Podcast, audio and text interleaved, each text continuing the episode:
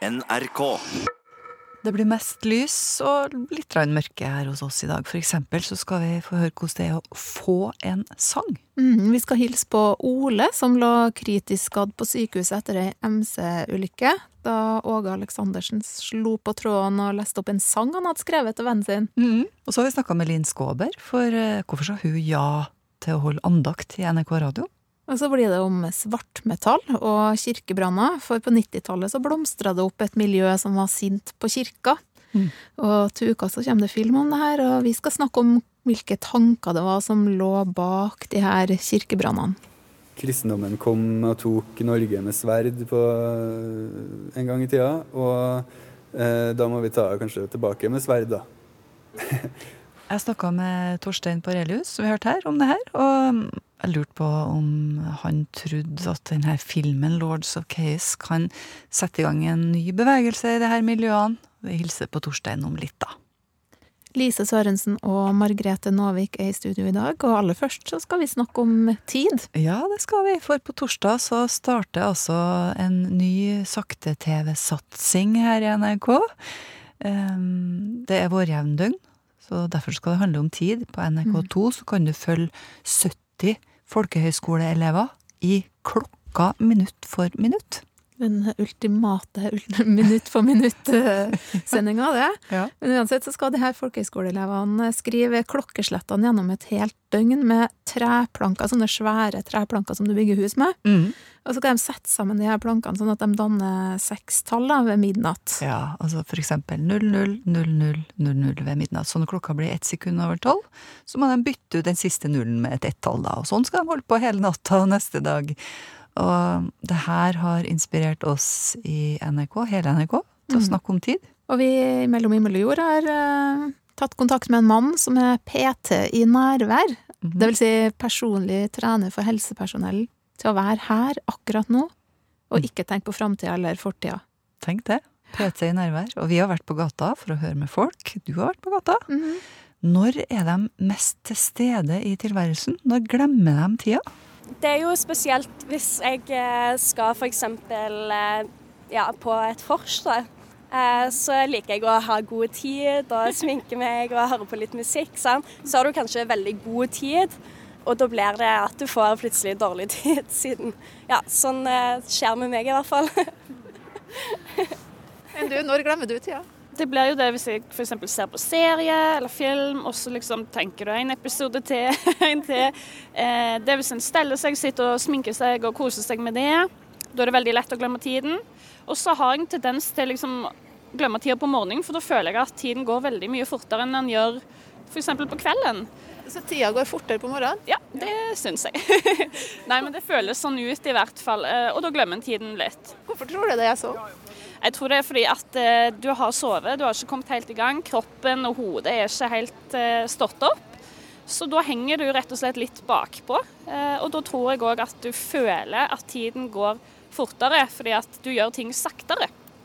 Rett og slett. Du er 90 år nå. 90 år. 90. Mhm. Jeg er realist. Jeg vet at jeg nærmer meg døden hvert sekund nå. For meg det er sånn minutter. Når er det du gjør noen ting som du Og så glemmer du hele tida, liksom, at tida går? Ja, mange ganger. Forresten når det er fester. Mest når det er fest. Ja da, jeg elsker å feste. Hva er det med fest som er så bra? Med yngre mennesker, ikke min alder. Fordi min alder, de, eh, i min alder det er litt vanskelig. Fordi de går ikke på kino, de går ikke, de reiser ikke. Og de, du vet, det er mest hjemme, og da gjentagelser, vet du, fra fortiden. og De gavene de fikk fra sine menn, hva vet jeg. Så det går litt sånn tilbake i tid? Ja, ja. Og det orker jeg ikke, jeg går fremover. Prøver ikke å tenke så mye på tid. Jeg prøver å, å slappe av eh, mest mulig når jeg kan. Så da prøver jeg ikke å tenke på tid, for hvis jeg tenker på alt jeg skal rekke, så blir jeg stressende. Men er det noen gang eh, du liksom glemmer at tida går, da? Ja, hvis jeg er veldig opptatt av noe jeg jobber med, f.eks., så kan jeg glemme tid og rom, ja. Det er jo fin tilstand å være i å ikke tenke på tid, men bare leve og gjøre ting du liker.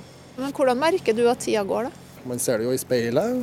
eh, Man merker det i forhold til at nye ting skjer. Man skifter aktiviteter hele tida. Man skal levere i barnehage, man skal rekke jobb, man skal hente i barnehage, man skal rekke trening osv. osv. Plutselig så er det ikke noen å hente i barnehagen lenger. Nei, plutselig så er det ikke det. Altså Det er jo det klassiske når du ikke har noe å gjøre, så går tida fryktelig sakte, og da blir du veldig klar over det, kanskje. Men du merker jo når tid går, når du ser endringer, da. Når du ser påvirkninga tid har på folk, på deg selv, på ting rundt deg. Du blir jo veldig klar over det når du f.eks. sitter og venter på noe. liksom Sitter og teller minutteren til bussen kommer, f.eks. Da blir jeg veldig klar over tid, sånn sett. I motsetning, hvis du har veldig mye å gjøre, så plutselig så har det gått tre timer, og du har ikke fått med deg at det er forsvunnet. Hvis jeg er på jobb f.eks. og har veldig mye å holde på med. Så ja. God tid. Du har god tid. Ja, for jeg er uføretrygda. Hvordan er det å ha god tid, da? Nei, både bra og kjedelig. Det kan bli for mye av det gode, rett og slett. Ja, hvordan da? Nei, eh, har du for mye tid, så du vet ikke hva du skal gjøre, og da blir du ofte ensom hvis du ikke har noe mye sosialt nettverk, da, f.eks. Det kan bli tussig til tider, men heldigvis har jeg to katter som jeg koser meg med. Men eh, jeg syns vi i Norge kunne faktisk blitt litt flinkere på å ta oss Ikke stresse sånn hele tida, fordi at eh, det er vi veldig flinke til. Med en gang du kommer litt ut forbi, holdt jeg på å si, eh, så ser du jo at kulturen er helt annerledes. Der tar de seg tid til å sette seg ned på en kafé og ta en kopp kaffe. og uten at du trenger å planlegge det to uker i forveien. Um, så det syns jeg vi kunne vært litt flinkere på. Ta seg tida i hverdagen, rett og slett? Ta seg, ta seg tid til å gjøre noe spontant. da. Fordi alt skal man som planlegges veldig på forhånd. Uh, ja, det her var folk på gata som jeg snakka med om tid mm. i Trondheim. Vi skal ta det her med tid litt videre, for sett at du fikk vite at du hadde f.eks. tre måneder igjen her på jorda. Hva ville du gjøre da?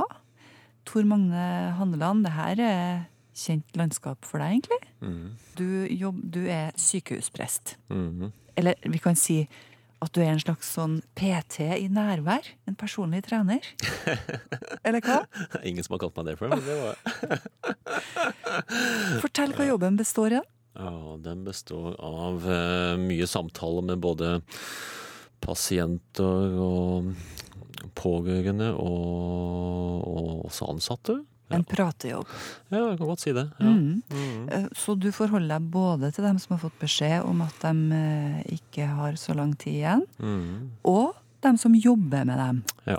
Hvordan, hvis vi tar det her med dem som har fått den beskjeden, hva, hva gjør en sånn, eh, en sånn informasjon med hvordan vi opplever tid, tenker du?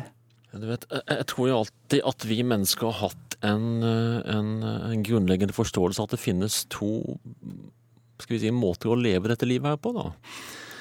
Ehm, det ene er denne hverdagen eh, som bare går og går, og vi gjør så godt vi kan for å henge med på den. Og tiden som bare går og går. og det høres jo kjent ut, det. Ja, det gjør det. Og, og, og samtidig så har vi alltid eh, forstått at hvis vi virkelig skal komme i kontakt med det som er viktig for oss, det som betyr aller mest for oss, eh, for oss så er vi nødt for å stoppe.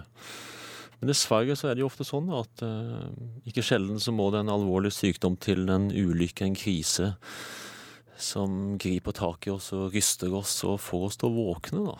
Er ikke det litt forstemmende? Jo, det er det. Må vi dit, liksom? Eh, eh, nei, vi må ikke det, men ofte så blir det sånn. Ja. Uh, og det er jo det jeg ofte nesten daglig opplever jobben min, da. Å møte mennesker som har fått denne kalddusjen. Du jobber jo på en måte med å trene opp den her muskelen som tar seg mm. av oppmerksomt nærvær mm. her og nå. For mm. folk som bør, bør ha en sånn topptrent muskel, da. Mm. Hva, hva, har du å si til oss som stadig tenker på det fine som skal skje litt seinere? Det som skal skje i sommerferien? Det skal skje i sommer, ja. Det er jo ofte sånn vi er, da. Vi tenker alltid at livet ligger alltid der framme et sted, da. Mm. Ja, det er på en måte den illusjonen vi ofte har, da, at vi, vi, vi tror framtida eksisterer. Så det som skjer hos en eh, pasient som vet at den snart skal dø, mm. Det at en slutter å tro på at framtida finnes, da? Eller den muligheten blir jo kanskje fort blokkert, da. Eh, ja. Eller veldig, veldig begrensa. Det beste vi kan gjøre, det er på en måte å begynne å tre inn i øyeblikket her og nå. Men det er jo veldig lett å si. Og kanskje ikke så lett å gjøre. Du kan ikke si noe konkret om hvordan man gjør det? Jo, jo, absolutt kan jeg gjøre det. Kanskje den mest underbrukte kapasiteten vi mennesker har, da, som vi bruker altfor sjelden, ehm, det er evnen til å bli oppmerksomme på vår egen oppmerksomhet. Ja. Når som helst så kan jeg sjekke inn, legge merke til hvor er oppmerksomheten min akkurat nå, hvor er den henne? Jeg kan kultivere det som jeg kalte denne her indre observatøren, da, eh, ved å observere alt det som skjer med meg til enhver tid. ja, du finpusser din indre observatør? Ja, eller Ja. styrker den, eller, eller, Ja. eller, eller, eh, eller blir mer og mer klar over den. Og, og det, det vil si at det er noe i meg som ikke er bundet av tid. Og jeg tror aldri vi vil finne helt fred i tiden, men at det å kjenne på sinnsro, det å kjenne på fred, det er noe vi kan erfare nettopp ved å, ved å tilbringe tid i øyeblikket. Mm. Hvor det ikke finnes noen fornemmelse av tid så kan det hjelpe meg til å faktisk eh, i mye, mye større grad kunne leve med livet slik det er. Og ikke slik jeg skulle ønske, eller at det burde være eller skulle vært. Så da kan det bare være med den sommerferien, egentlig? Ja, jeg klamrer meg kanskje ikke i hvert fall så forferdelig hardt til den, hvis den ikke skulle skje. ja. Men eh, det var det med tid, vet du. Mm. Du er jo prest og har kanskje noen tanker om, om et liv etter det her jordiske, eller hva? Ikke nødvendigvis ett liv etter dette her. Eh, Det vet vel jeg like lite om som alle andre, tror jeg. Men eh, En slags tilværelse? Eller en annen dimensjon. Eh, Og det syns jeg vi bare får bekrefta mer og mer av, av også moderne fysikk. At eh, jeg tenker livet fortsetter, og det er noe ved meg som Det er noe ved meg som vil fortsette. Det er mange måter å tenke om døden på, men kanskje det er en ny fødsel inn i et eller annet. Eh, Det får vi se. Ja. Hva tror du om tida i den eh, dimensjonen? da? Nei, kanskje ikke det er noe tid her i det hele tatt. Kanskje bare Nei. nærvær? Ja, Kanskje det, ja, rett og slett. Ja. Nei, jeg vet ikke. Jeg gjør ikke det. Men, eh, men jeg tenker det må, være, det må være noe godt. Det må det være. Ja, Mm. det må vi tro. Mhm. Ja. Tor Magne Handeland, takk for din tid. Mhm. Takk for at jeg fikk lov til å tilbringe tiden sammen med deg, da. Det må jeg si. Ja. Det var en liten gratistime i nærvær, kan vi vel si. Jeg tror det bare dreier seg om et hei, eller jeg rekker en liten kopp kaffe, eller hva gjorde du i går, eller skal du ha noe på butikken, jeg skal bort dit uansett. Alt dette betyr egentlig jeg ser deg. Jeg lever samtidig og ved siden av deg. Ja, det her er et klipp som vi har lånt fra andakten, for det var Linn Skåber som holdt andakt eh, på P1 i dag tidlig. Ja, for denne uka så tar Linn på seg en ny hatt, nemlig, og trer inn i en ny rolle. Og hun, du har jo snakka med henne, stakk innom studio for å fortelle litt om hvorfor hun ville det. Linn Skåber, god dag. Hei, hei. Du, i uka som kommer så er det altså du som holder andakt her i radioen. Det her ble jeg litt overraska over, egentlig. Hvordan reagerte du da du fikk spørsmål? Eh, nei, altså for det første så Jeg svarte ja med eh, umiddelbart. Jeg er veldig glad i, eh, i ord for dagen. Ja. Å starte dagen med noen ord som kanskje kan trøste deg, glede deg, eller bare få deg gjennom dagen, det setter jeg pris på å få være en bidragsyter til. Løfte deg litt sånn ut i dagen? Ja, rett og slett. Mm. Husker vi alltid gjorde det på folkehøyskolen, så var det alltid noen som skulle ha ord for dagen. Og jeg husker jeg syntes at det var en sånn fin ting å gjøre. Og som jeg egentlig savner at ikke vi gjorde, bare fortsatte med videre i livet. Ja.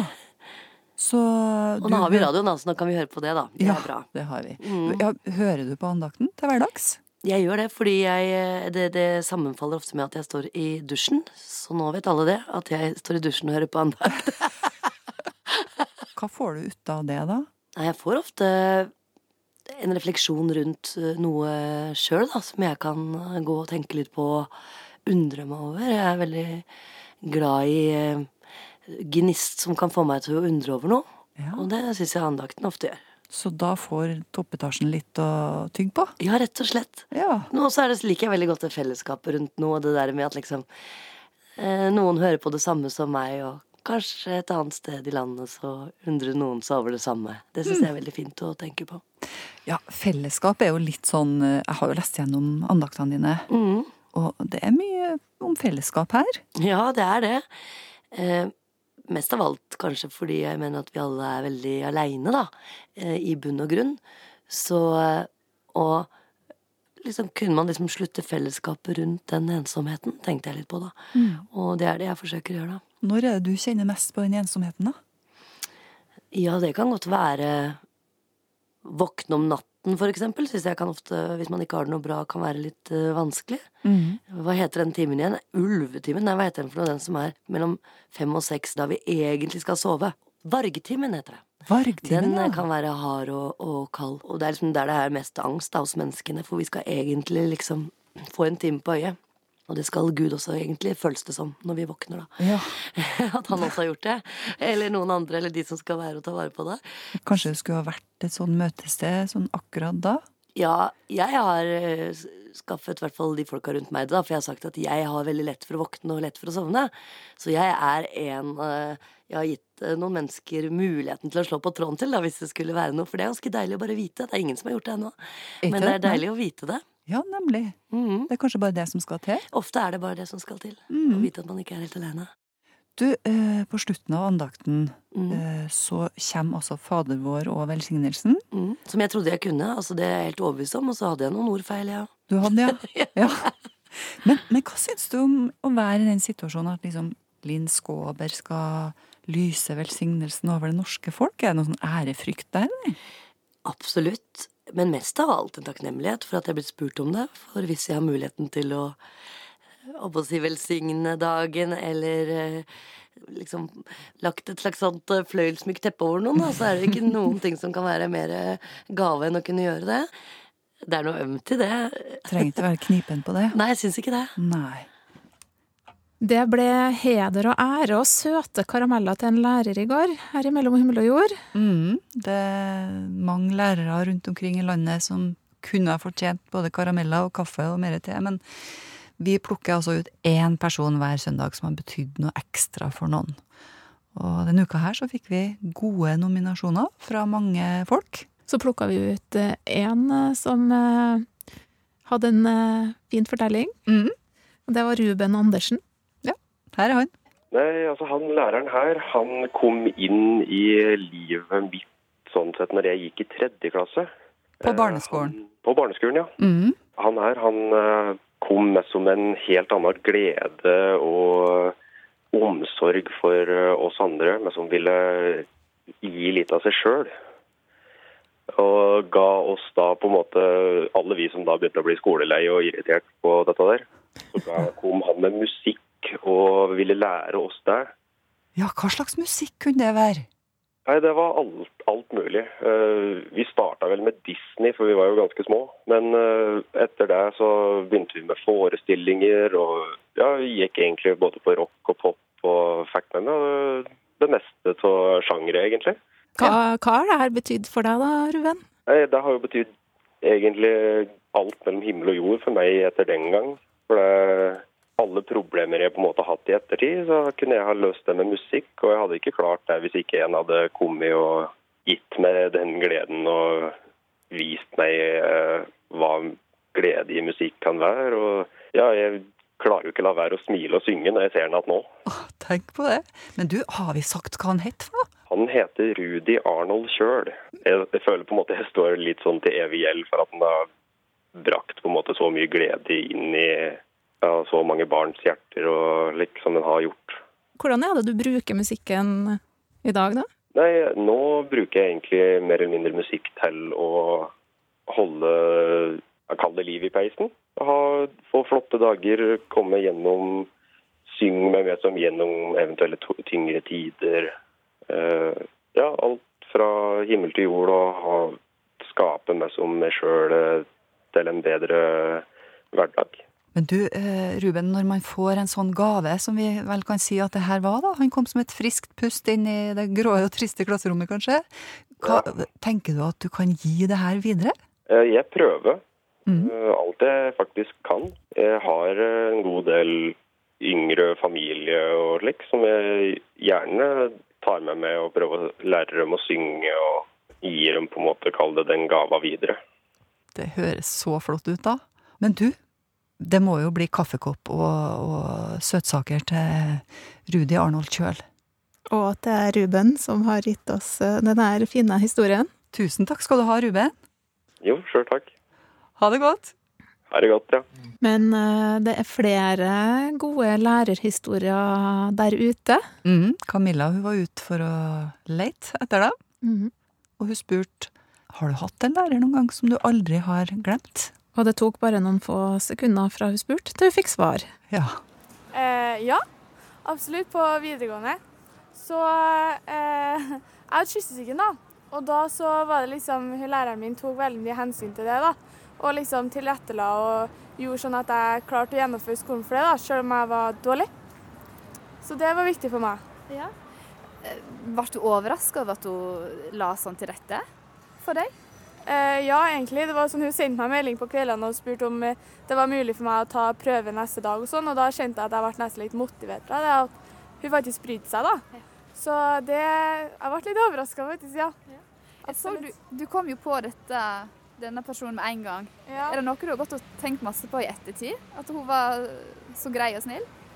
Eh, ja, egentlig har det liksom vært sånn eh, at hun har vært en person som ikke bare har brydd seg om det skolearbeidet, da, men liksom bryte seg om de personene vi faktisk er, og tenke på oss mer som mennesker og ikke bare elever. da.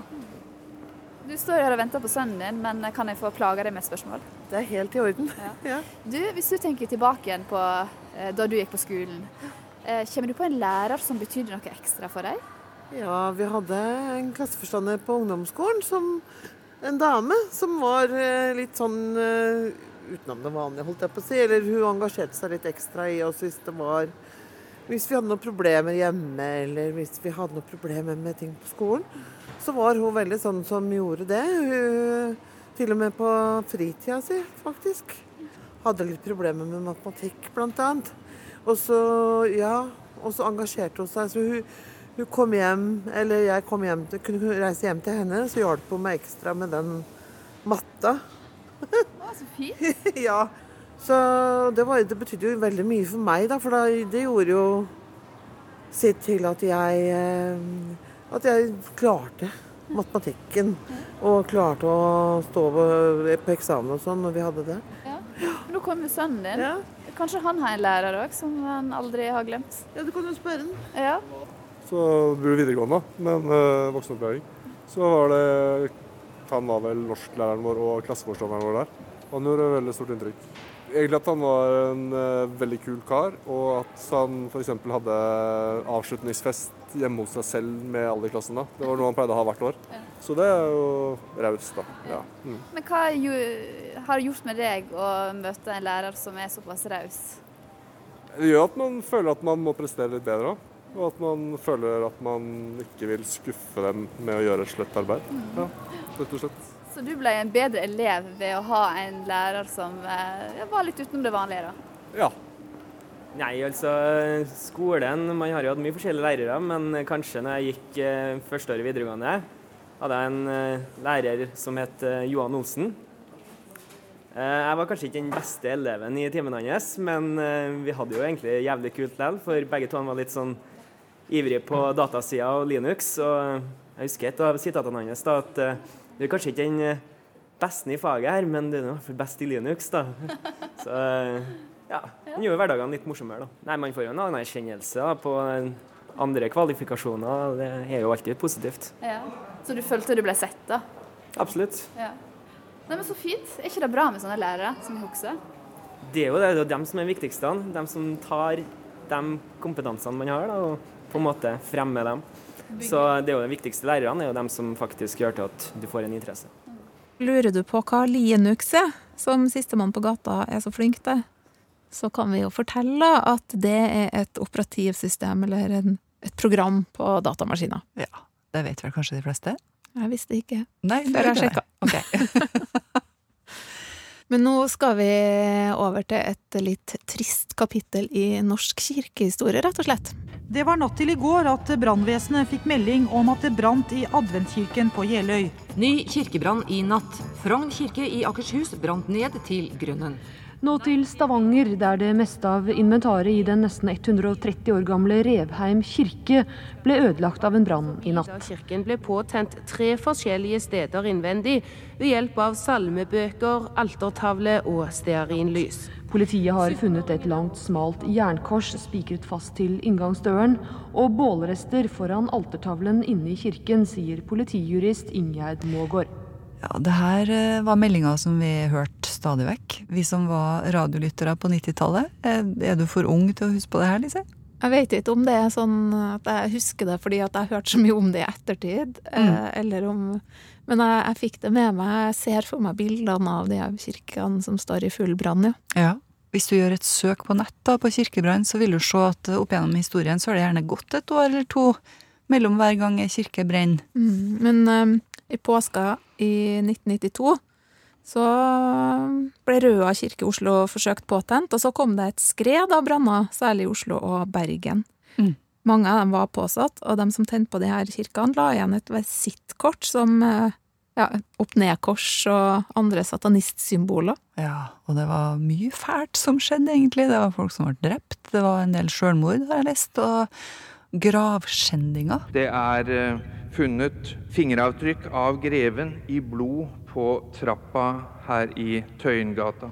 Og det er stort sett eh, de samme, den samme kretsen som er siktet og til dels har tilstått alle forholdene. Det dreier seg når det gjelder branner bl.a. om eh, Fantoft stavkirke, Holmkollen kapell og Åsane kirke og flere andre ildspåsettelser og brannforsøk som har vært mye framme i mediene i de siste par årene. Det har også vært eh, tilfeller av gravskjending flere steder som er blitt tilstått, og grovt tyveri fra flere kirker. Ja, og det her var fra en eh, pressekonferanse i 1993. Mm, det var vel det omtrent da de begynte å løse de her sakene med kirkebranner og drap og alt det her. Og Varg Vikernes ble da dømt for drap og satt inn i 16 år. Han ble i hvert fall dømt for tre av de her kirkebrannene, vet jeg, og ett drap, da. Ja, og til uka så kommer filmen Lords of Chaos. Handlinga i filmen er lagt til denne perioden i det her miljøet. Mm, akkurat uh, det her bandet som het Mayhem, da. Mm. Hvor Varg Vikernes var medlem, og, og, han andre i bandet som ble drept. Torstein Parelius, han var, det må vi si, han var ikke en del av det her da, men han var, og er, veldig glad i svartmetall. Han har noen tanker om hva det er med blodig sminke og dyre kadavre og alt det her stygge som appellerer til noen av oss, da. Og om det her kan skje igjen, eller om vi er et annet sted nå? Ja. Du fikk en prat med han i en sofa på biblioteket denne uka. Torstein Parelius ser ut som eh, en svartmetallmann fra 90-tallet. Bare at noen har kjørt den gjennom et vaskeprogram, fått bort alt blod, all gørr, og det er ingen hullete klær. Og det er langt, rent hår, velstelt skjegg langt ned på brystet. Han kommer svartkledd rett fra et møte med kulturministeren. Han jobber med film. Torstein tar oss et par tiår tilbake. Nei, Jeg husker jo at det var veldig mye mystikk knytta rundt det. Fordi at På grunn av at uh, vi måtte gå ned på platebutikken så måtte vi be om eh, at vi kan jeg få høre på den nye plata. For da hadde man jo ikke Spotify, man hadde ikke YouTube, man hadde ingenting sånn sånn her. Sånn at det var alltid noe mystikk rundt det, og eneste informasjonen du fant, da var enten det som sto på, i, på coveret på plata, eller det du i sjeldne tilfeller kunne klare å lese i et eller annet blad mm. som du måtte kjøpe. Og, og, det var veldig få blader da, som dekket denne sjangeren. Så det var litt sånn eksklusivt? Ja, det blir jo litt sånn eksklusivt da, på en måte. Mørkt og mystisk var det, for tilgangen til informasjon var knapp. Det var brevskriving, på papir altså, og det var bytting av kassetter, det var hodeskaller, opp-ned-kors og dyrekadaver. Eh, blod og forråtnelse og alt man kan eh, grave opp fra jorda, på en måte. Eh, hva er, som, hva er det som gjør at noen av oss liksom syns at dette her er stas, da, rett og slett? Eh, det er jo noe med at det her, det skumle og det mørke og sånt eh, er veldig eh, fysisk, da. Det er noe veldig fysisk med oss. Det samme som man ser med si skrekkfilm. da. Det, eh, skrekkfilm er noe som setter fysisk fordi at Når du skvetter og begynner å svette og sitter og knytter magen, så er det et kunstuttrykk på en skjerm som faktisk gjør en fysisk ting med det. Og det er det med det her eh, skumle òg, at det er noen ting som gir deg noe et eller annet i kroppen. Er det noe Eh, sånn følelsen av at du fins? Et eller annet sånn eksistensielt? Og det er ikke så rart at Torstein sammenligner med film. Han har også vært med og laga en film om denne sjangeren. Black Hearts heter den. Ligger på VGTV. Men tilbake til 90-tallet, da det var alvor, da det gikk galt. Det var selvmord, og det var drap, og det var mange kirker som ble påtent, skada og nedbrent. Hva var det som var motivet for de her eh, kirkebrannene? Jo, det var jo denne religionen, da, mener han. Kristendommen kom og tok Norge med sverd på eh, en gang i tida. Og eh, da må vi ta kanskje tilbake med sverd, da. Tror du, eh, for at i, i den eh, Black Hearts-filmen så, så står de ved sida av Fantoft kirke. Så sier de at det er veldig fin kirke, men jeg hadde likt den bedre hvis den var nedbrent. Ja, og det var den jo, for det var jo den Ja. kirka som Ja, for det var en da. kopi her, ja. Ja, Ja, ja. mm. Ja, så de har bygd den opp igjen. Og det er jo et veldig fint, vakkert eh, byggverk. Eh, men det er jo det det representerer, på en måte, som er Og det kan man jo si om en statue av Saddam Hussein òg. Den er jo veldig fin, da. Den er jo blank og Så det er noen ting med det da, jeg tror de prøver å si i filmen. Da, at den, eh, Det er jo vakkert bygg, da, men den representerer noe mm, som de ikke setter pris på. da. Det har blitt annerledes nå, sier Torstein. Musikken har blitt mer proff, og det har blitt mer mainstream. Ja, Apokalypsen var på Melodi Grand Prix og flere etter dem. Mm. Eh, og man ser jo eh, enkelte lager vin, og enkelte er med på Firestjerners middag og mm, eh, på besøk til Thomas og Harald i godsofaen og litt sånn sånn der. sant? Men skal, man skal jo ikke glemme at det her er jo en, sjanger med ganske høyt nivå. Man kan, man kan jo høre at det her er bråk, men det er en veldig intrikat og Sånn For min del så er det mye av det som er veldig høy kvalitet. Men hva tenker du om at denne filmen blir laga nå? Det har jo vært litt motstand mot det. Eh, Den her Lords of Chaos, ja. Som sagt, jeg har ikke sett den. Eh, Jeg tror jo at en av de største tingene som er problematisk her, er at det tas tak i en del ting som var veldig nært for mange i det her miljøet. fordi at det var jo folk som døde. Det var en del eh, Mange mista kompisene sine og eh, alt mulig sånt. Og når det da plutselig lages en film som tar seg en del friheter, så er, forstår jeg veldig godt at det eh, er problematisk.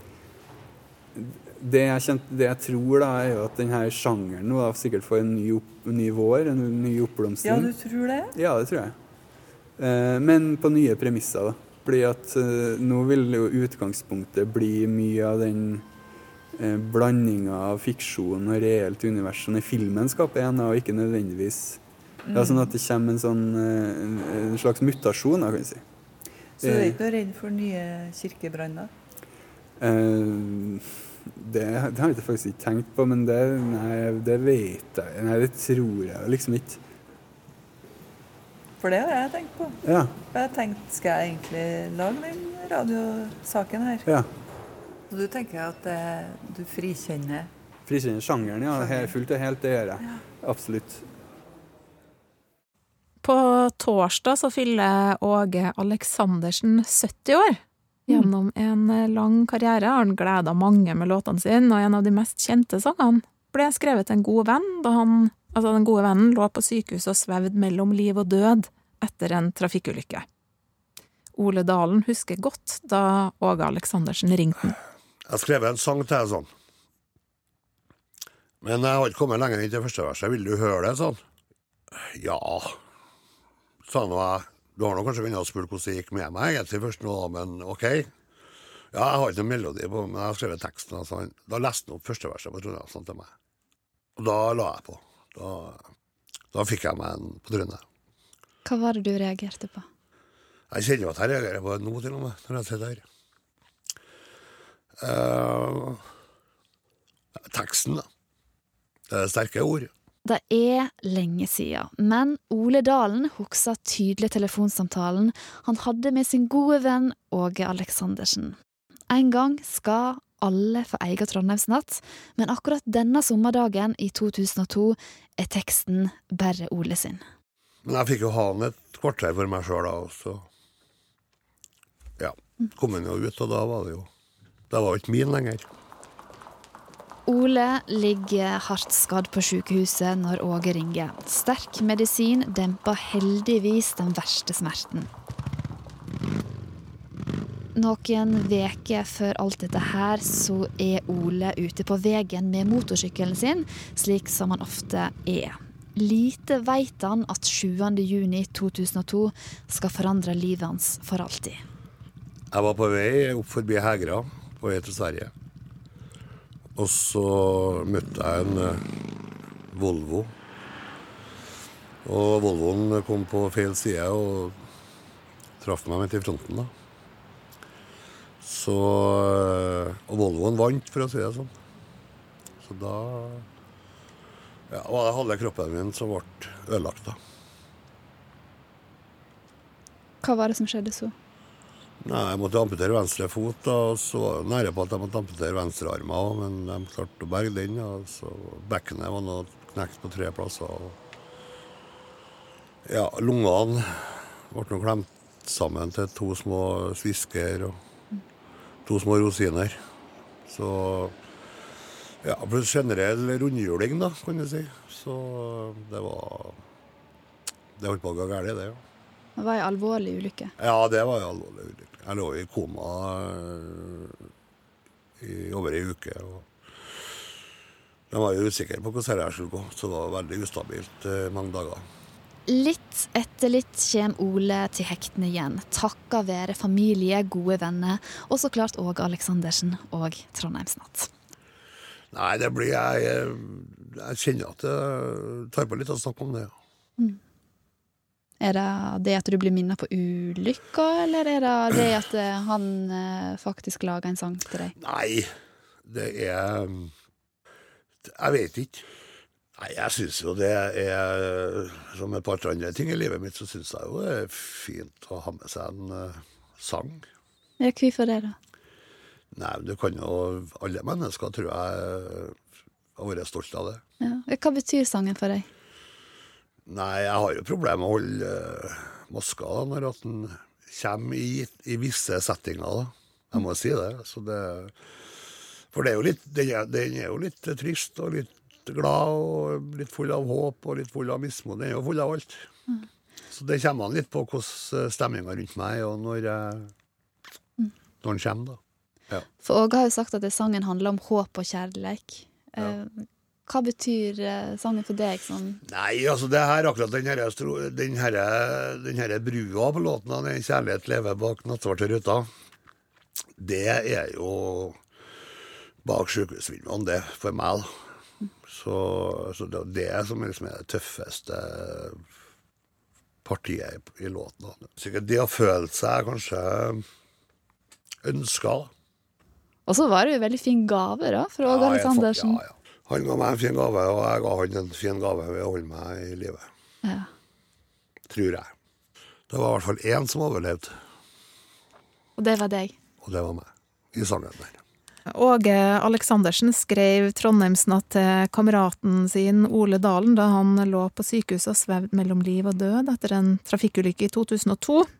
Og trafikkulykka har satt spor i Ole Dalen sitt liv. Ja, men eh, Ole sier at han har slett ikke mista livsgleden etter denne hendelsen, sjøl om han nå da trenger rullestol, blant annet, for å komme seg fram. Det kan jo kanskje være fordi han har eh, mange mennesker som bryr seg om en, rundt seg. Mm, og som skriver sanger til en. ja. ja. Det her var jo det vi hadde å by på i dag, eh, Lise. Nå går vi i gang med å ruste oss til neste helg. Skal vi si noe om hva vi har på gang? Ja, det er noen baller i lufta, i hvert fall. Eh, Vi ser nå på om det er lov å le i begravelser, i hvert fall. Mm. Camilla har snakka med en forsker om det, og, og du har vært ute og lest en haug med kjærlighetsbrev. Mm. Så får vi se om det kommer på søndag, eller ved en senere anledning. Ja, litt uklart ennå, men vi har mye fint og interessant på gang. Ny podkast neste mandag. Mm. Sending på søndag. Det er oss.